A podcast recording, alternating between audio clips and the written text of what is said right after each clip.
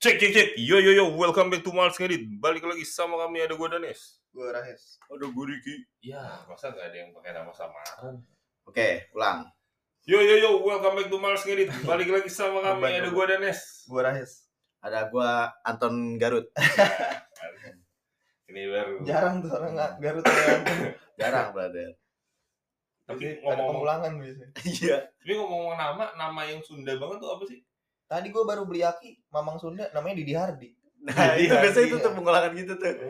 Nama rekeningnya Didi Hardi. Enggak, tapi kalau misalnya orang Jawa kan ya kan kita orang Jawa ini kan orang Jawa tuh nggak usah pakai pengulangan udah kelihatan Jawanya gitu. Hmm. Sutarno misalnya, Joko gitu. Nah, kalau yang kok. Sunda banget tuh apa?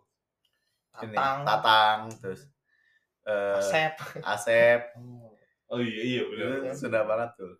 Kalau yang ini namanya Cina banget biasanya depannya bule, belakangnya Jawa. Wah iya iya. iya. Cindo, Cindo. Cindo-cindo kayak gitu. Saya John siapa gitu ya. Andrew eh, Sutanto Eh, Nah, Iya biasanya gitu. Arnold Purnomo ya. Nah. itu. Eh. Aduh. Bridgingnya gimana nih bridgingnya? Ya, kita lagi nyari bridging yang pas karena Hmm. sebenarnya kita mau bahas ini weight loss. Lu pada udah udah ada yang pernah nyoba nurunin berat badan gak? Gue Gue udah naikin sih. gua beberapa kali nurunin dan ya Sukses. eh gue gue gak tahu fak eh ini ya indikator sukses atau gimana cuma turun sih turun cuma ya karena mungkin gue polanya juga kagak kagak bener-bener banget jadi naik lagi tak turun lagi Malah dulu nuruninnya pakai apa? Pakai butau. Aduh. sama ketemu cegil wah Iya.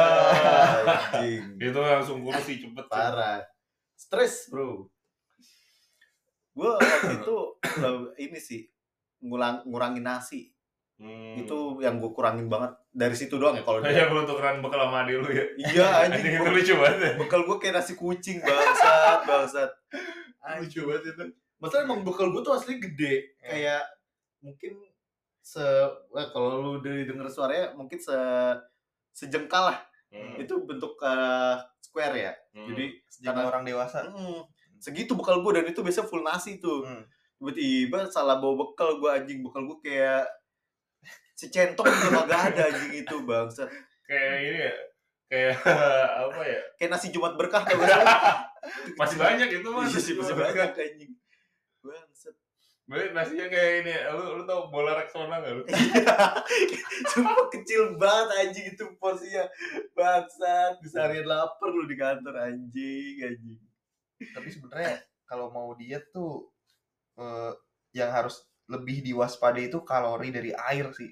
Menurut gua. Air Kalori dari minuman. dari minuman ya. Oh. sorry sorry dari Karena dia gulanya tinggi tapi nggak bikin kenyang ya. iya Hmm, Bener bener bener bener apalagi kalau kita misalnya kayak sebenarnya ngopi bagus cuman yang pahit kalau misalnya kita kan biasanya kalau orang ke kantoran atau pekerja itu kan suka beli kopi susu tuh Gue Hmm. gue tuh Sama sebenarnya tuh. Gue sebenarnya dari berapa bulan terakhir Gue sempat baca tapi gue lupa dari dari situs apa Jadi kalau yang gue baca itu eh Manusia kan badannya ada met- ada metabolisme yang berjalan ya Hmm. Hmm. Nah, metabolisme ini kan yang eh, secara nggak langsung ngebantu dari proses pembakaran lemak nih Hmm. gue dari yang gue baca itu salah satu cara efektif ketika lu mau eh, ngebakar lemak dengan efektif berarti ngebenerin si metabolisme tubuh. Hmm. Nah, gue ngambil dari situ gue coba searching-searching lanjutan tuh kemarin. Salah satu yang bisa eh, hal yang bisa dilakukan untuk ngebenerin metabolisme lu itu dengan minum air, air putih yang cukup. Hmm. Hmm. Nah, itu yang gue lakuin kemarin tuh air ah, putih ah, tidur tidur sama tidur. tidur Gue tuh waktu Berarti satpam metabolismenya bagus ya? rusak rusak dong kan begadang Begadang mulu. mulu. Jam biologisnya rusak deh mm, Oh, yang metabolismenya bagus mah anggota DPR ya? Iya. Tuh. Itu tidur cukup, minum cukup. Iya. semua cukup. Lebih malah. Wah. Yang kurang kan rakyat. Waduh, semakin kinerjanya. nah kemarin gue sempet nerapin kayak gitu. Jadi gue ngebenerin metabolisme lewat air Hmm. minum. Ya gue yang biasanya se- sehari paling kayak satu satu setengah sampai dua liter doang. Itu gue bisa 3 sampai 4 liter walaupun Hmm. sebenarnya 4 liter kelebihan sih. Nah, terlalu banyak juga nggak boleh sih setahu hmm, karena kan maksudnya kan standarnya itu 3 liter sebenarnya maksimalnya. Kalau yang gue baca ya. tergantung Enggak bobot tergantung berat badan bobot sih sebenarnya. Iya. bobot tubuh Iya, tergantung berat badan. kalau lu anak kecil gitu ya nggak 3 liter juga. sih. Hmm. Iya, dicekokin tiga liter. Iya, anyang-anyangan pak. Ngompol WC mulu biasa. Nah gue semenjak udah ngebenerin tidur eh, sama minum tuh lumayan tuh mas gue eh gue nggak nggak ngepus banget dari dari olahraga pun lumayan berasa eh, ngedefisitnya lumayan ini Hmm. lumayan ada kelihatan hasilnya Jadi kalau kalau dari lu yang bisa lu bagi ke orang yang mau nurunin berat badan apa?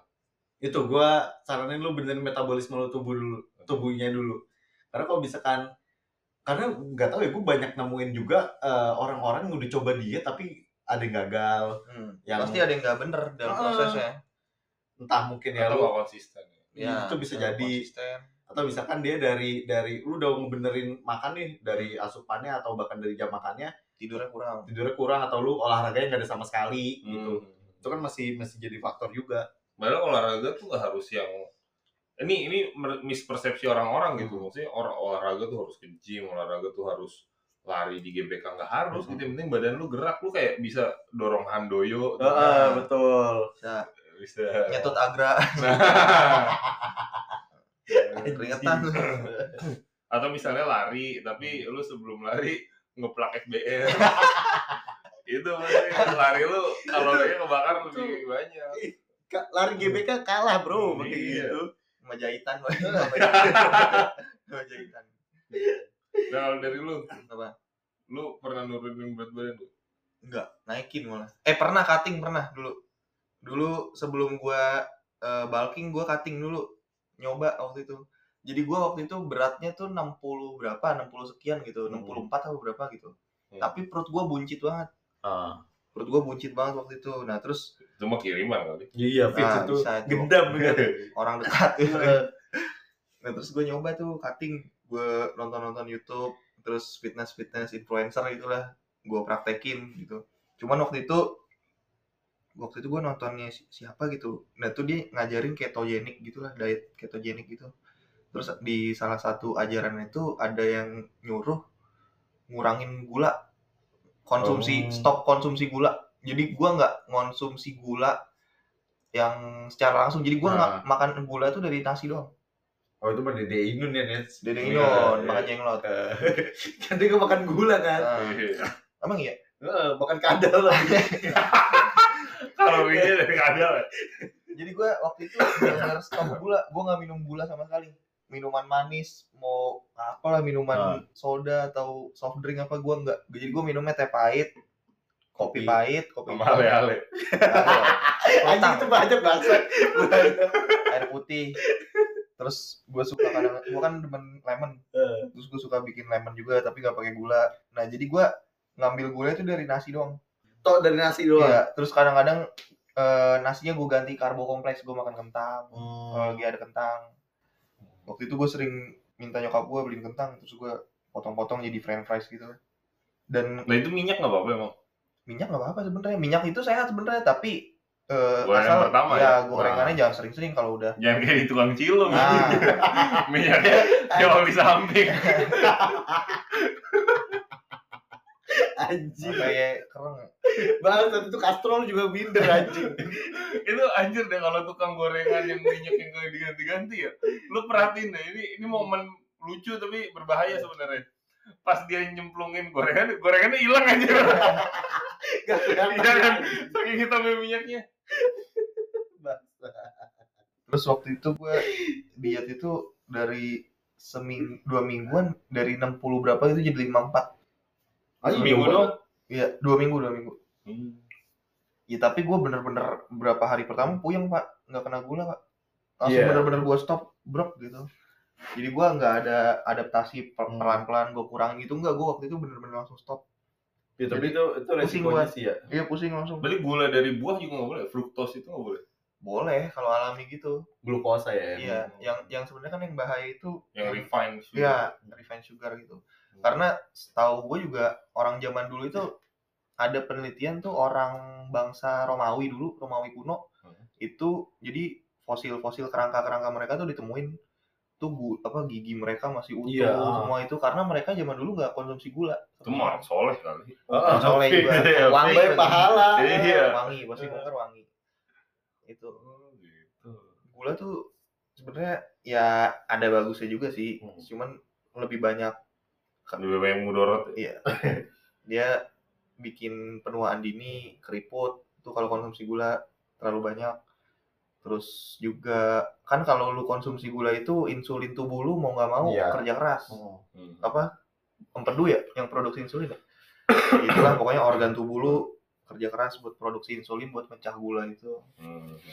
Dan salah satunya buat mecah gula itu lo harus pakai protein tuh yang bikin susah bikin susah keker tuh kalau orang mau ngebentuk badan kalau konsumsi gula yang gede. Karena proteinnya kepake buat mecah Iya, gula itu terus. proteinnya kepake jadi nggak fokus buat perbaikin sel otot yang rusak ketika lu workout gitu jadi harusnya buat bikin lebih gede ototnya bikin memperbaiki jaringan malah Hmm. buat mecah si gula itu Nah kalau diet ini kan bukan masalah bukan masalah metodenya apa tapi juga soal konsistensinya. Kalau lu Hmm. tadi memperbaiki metabolisme dengan minum air sama memperbaiki jam tidur itu masih sampai sekarang. Masih. Nah kalau lu gimana? Hmm? Gimana cara ngejaga kan tadi kayak lu ketogenik cuma dua minggu kan? waktu itu pas wak- abis abis kurus malah gua bulking kan gua mau mau gede gua malah gedein abis sekarang gua bulk bulk terus Tapi mungkin nggak orang ketogenik terus?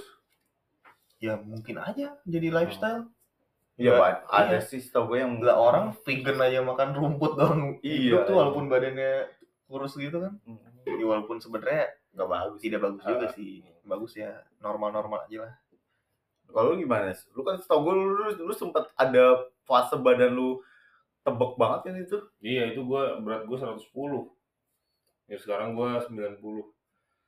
yang berat Kalau tuh gua iya yang berat tuh 20 hari 21 hari pertama Iya emang. bikin adaptasi baru Kalau udah gua- kebentuk ya udah Iya. Kalau udah kebentuk pola atau kebiasaan baru udah. Jadi kalau gue sih caranya intermittent fasting karena kalau gue tuh rada sulit untuk pantang gue nggak boleh makan apa. Hmm. gitu karena gue kan pertama gue nggak bisa masak. Jadi eh, gue makan apa yang ada atau kadang beli beli apa yang ada itu satu. Terus juga mm, buat gue lebih mudah untuk eh, pantangan waktunya gitu. Jadi gue nggak boleh makan dari jam berapa sam- sampai jam berapa. Ketimbang gue nggak boleh makan apa. Hmm. karena kadang hal-hal yang dipantangin itu Hmm. itu bukan menu utama tapi sifatnya campuran gitu Ah, jadi kayak misalnya gue nggak boleh makan eh, bahan A, eh bahan A itu ada kalau gue beli apa beli apa tuh Hmm. pakai itu gitu kan, itu kan susah hindarinya. Jadi Hmm. gue lebih ngebatasin waktunya. Gue intermittent fasting tuh gue 9 bulan gue turun 20 kilo. Dan ini buat temen-temen yang pengen nurunin berat badan ya, itu lu jangan ngincer cara paling cepet untuk kurus, untuk turun berat badan tuh jangan. Tapi? Tapi lu cari cara yang ini prosesnya bakal lambat tapi eh, buat gue sih bakal bakal sebanding lah sama hasilnya.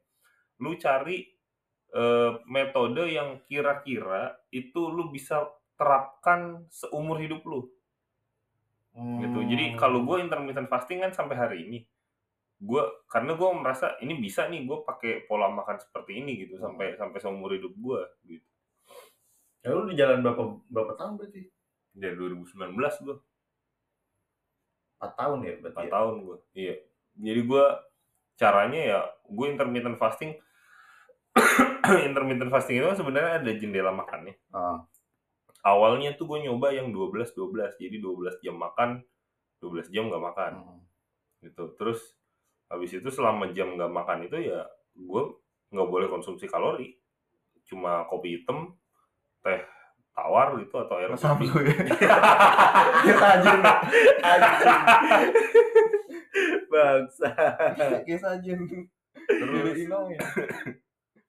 Habis itu gue naikin tuh jadi eh 16 per 8 jadi jam makannya 8 jam gitu. Fastingnya 16 jam. Habis itu pernah di tahap yang paling ekstrim itu gue sampai 22 per 2 jadi gue makan cuma 2 jam doang tuh. Dari 24 jam. dari 24 jam gue cuma makan 2 jam. Itu jatuhnya sama kayak omat sih one meal a day. Karena gue cuma makan satu hari doang eh satu kali doang dalam hari itu. Tapi habis itu udah gue kayak eh, turunnya kejauhan pada saat itu berat badan gue tuh sampai di angka 80-an gitu ini dari 110 sampai di Ah. angka 85 dan itu udah gering banget kalau di kalau karena gue tinggi kan. Ah. itu udah udah rada gering gitu terus muka gue udah udah celong dah udah kayak kayak ini kayak ya? Dia kayak slang angkatan 2005 gitu. Kayak gitu terus akhirnya kayak wah nggak bisa nih gue harus naikin lagi. Terus ya gue naikinnya tinggal gue tambahin jam makan aja Oh lu lu balikin ke Hmm. jam-jam makan yang lebih panjang ya? iya jam makan lebih panjang. Gue balik ke pola eh, 16 per 8 atau kalau gue sekarang selang-seling sih kadang 16 per 8 kadang 18 per 6 jadi gue makan dari mulai jam 12 siang sampai jam 6 sore misalnya. Biasanya jam 5 sih gue udah selesai makan.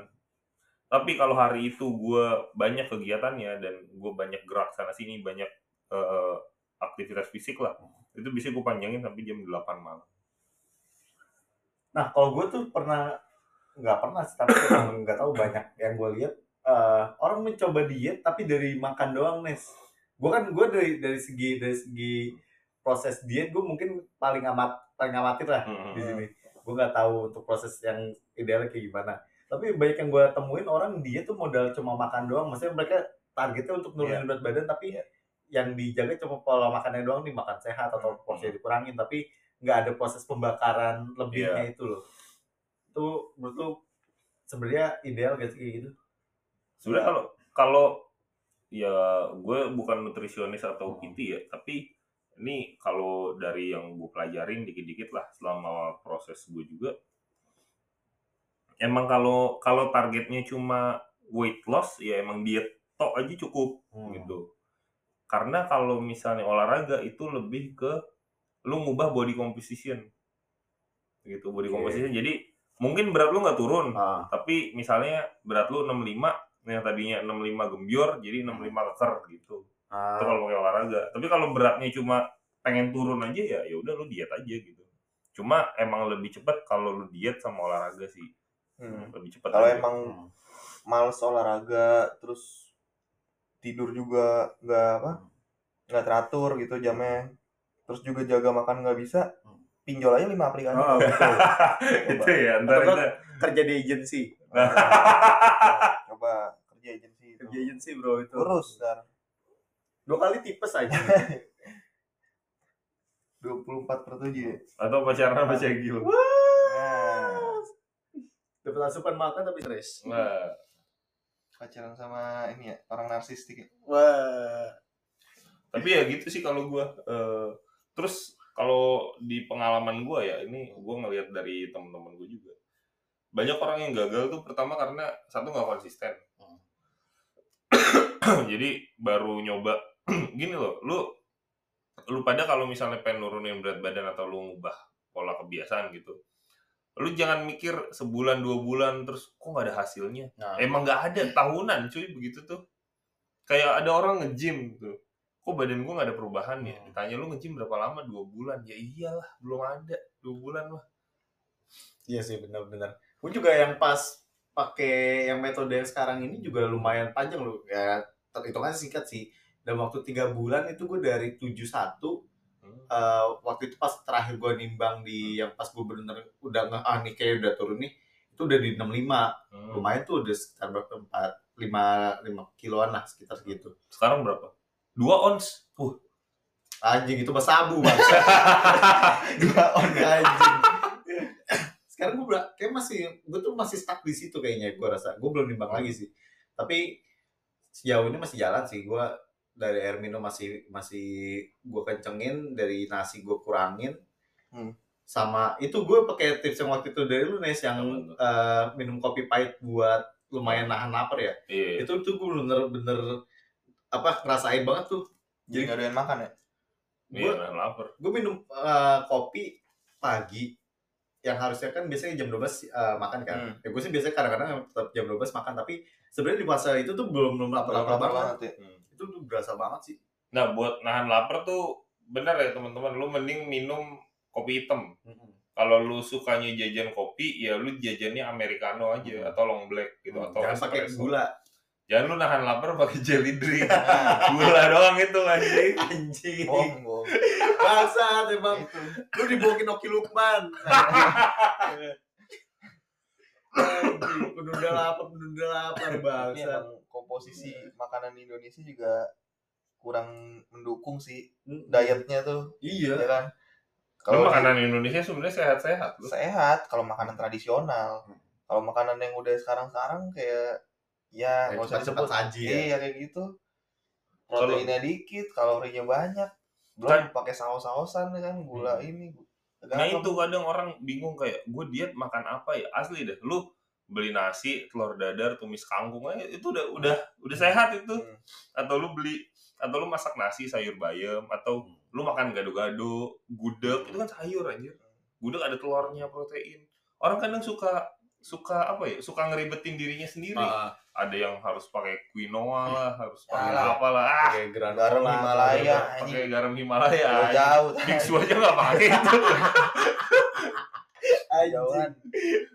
Ribet-ribet. ribet gitu Iya, sebenarnya baik solusi yang deket ya. iya yang yang, dari- sehari-hari dilihat Iya. itu sebenarnya ya itu udah sehat Ah. gitu Gue sih, Even- kalau gue sih udah di tahap yang kalau jajan juga milih sih. Hmm. Kayak misalnya lapar nih, kan banyak makanan gitu ya.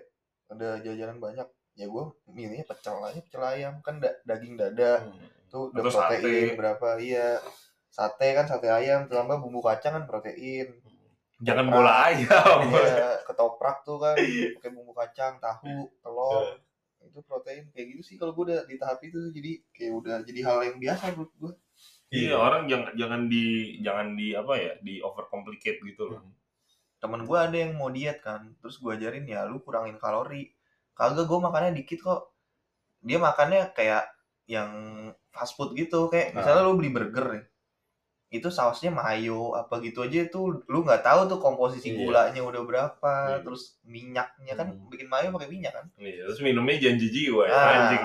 gimana lu bi- bisa turun anjing lu makan begitu bagi dia kan mungkin makan burger satu nggak kenyang cuman kan kalau Dia, dia, dia ngitung kalori itu Iya. dari kenyang apa enggak Iya, ya. iya, orang Indonesia Hmm. suka salah kaprah, ngitung kalori itu dari kenyang enggaknya, padahal enggak gitu.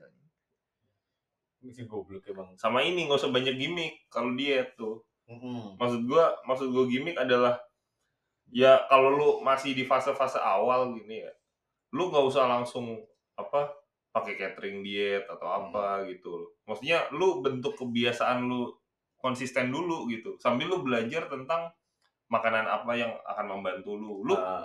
catering diet kalau lu kagak ngerti juga nggak nolong Iya. gitu. Lu Kayak- nggak tahu kalorinya segini. Oh, iya udah gue makan. Lu nggak ngerti komposisi Iya. lainnya. Makronutriennya enggak tahu. Ya orang kayak orang nge-gym aja. Baru nge-gym langsung beli whey, beli Iya. kreatin, beli gainer, semua diminum. Beli ini Lu kagak tahu takarannya. Workout ya. Iya, semua dibeli kan. Lu nggak tahu gunainnya gimana. Beli wasit. Ya, kan? Anjing. Ya, tapi itulah kalau misalnya lu mau ngurusin pertama ya kurangin kalori lu. Eh, Sebenarnya konsepnya gampang, Pak. Bu atau teman-teman yang dengerin. Ya, lu cukup pilih dua aja antara kalori intake-nya dikurangin atau Hmm. kalori masuk lebih lebih sedikit atau kalori yang terbakar lebih banyak. Ah, betul. Atau bisa dua-duanya gitu ya. Lu lu eat less food sama do more exercise gitu. Hmm. Kayak Gua sih itu sih. kayak tau gue kayak si Tan Boy Kun kan dia makannya brutal ya. Wah, Iya. Nah itu dia ngebakarnya juga lebih brutal itu makanya dia kan po- postur Ya, badannya keker. juga Iya. Atau kayak kuli bangunan tuh kan makannya banyak. Tapi kan ya sesuai sama kerjanya. Iya. Dan ini juga kenapa gue gue baru ngeh belakangan ya. Kok kuli bisa nggak nge-gym tapi badannya keker gitu. Karena otot adaptasi sama beban. Iya. makanya kalau di gym di eh, orang lat, nge-gym orang atau orang latihan beban itu powerlifter tuh ada namanya progressive overload Ya kan semua olahraga juga ada Iya. progressive overload. ya itu yang dijalanin kuli sama endurance-nya tuh karena dia kan ngangkat jadi ototnya kan otot itu kan fiber kan kayak serat Nah. gitu kan itu dia adaptasi tuh sama beban yang diangkat tuh misalnya sekarang cuman kuat ngangkat 100 kilo nih Hmm. Nah ini gue nggak tahu lah gimana si tubuh itu udah dari sononya settingannya gitu ya.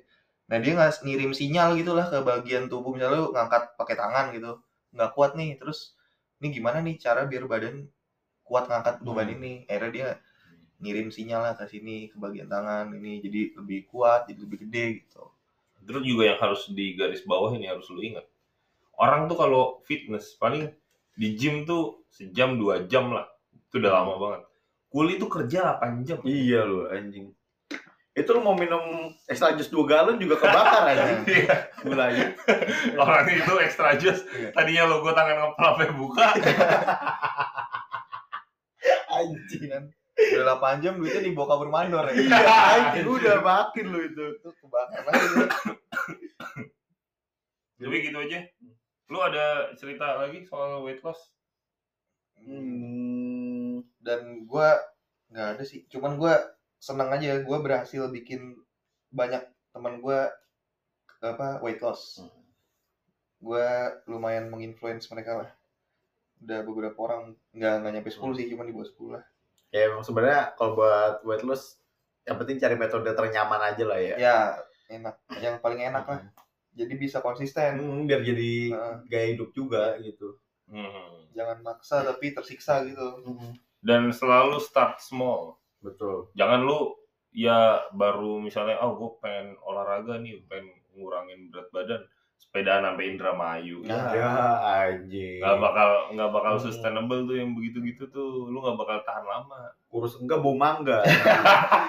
sama ini kalau mau kurus tuh eh, tidur yang cukup betul betul karena itu ngaruh karena ada ada penelitian juga tuh katanya ada keterka- keterkaitan orang yang suka begadang sama eh, obesity. Ya itu itu ngaruh sih benar. katanya gitu. Gua nggak tahu itu eh, di maksudnya eh, break break breakdownnya gimana. Cuman ada lah gitu. Ada jurnal ada penelitian gitu ngomongnya. Sama ini juga sih kalau misalnya lu olahraga otot emang dibangunnya pas lagi tidur kan? Ya itu pas otot lagi istirahat lagi tidur ya Kalau anda nggak tidur, otot anda nggak berkembang berkembang. Hmm. sama kalau sebelum kalau beberapa jam sebelum tidur jangan makan Mhm. karena lu tidur insulin nggak produksi tuh bahaya Mhm. dan itu nanti gulanya numpuk numpuk lemak numpuk Hmm. gula ah ngumpul dah gue dah Itu makanya kan kalau malam nggak boleh minum air minum banyak-banyak air putih. Hmm. Karena itu dari insulinnya dia nggak nggak kerja optimal. Jadi ntar ngaruh ngerusak ginjal. Kalau minum air putih itu yang kemarin gue baca juga ya. Hmm. Jadi kalau lu mau ngepus air minum nih, usahain mentok di maghrib deh. Gitu. oh gitu Heeh. lu kalau malam itu ginjal itu udah nggak bisa udah nggak bisa seoptimal kayak lu waktu siang buat ngeproses air minum Hmm. itu lu bisa bisa tercinta eh, apa jurnalnya itu Hmm. memang kalau malam makanya disaranin jangan minum air minum banyak-banyak ya kalau aus ya minum silakan tapi Iya. jangan kayak Jangan lu siang hari minum Eh, banyak itu dan kalau oh gitu kalau malam gue minum air putih banyak. Gue minum hand body deh betul sama autan Oke, gitu aja. Thank you udah dengerin sampai selesai. Sampai jumpa di episode selanjutnya. Woo!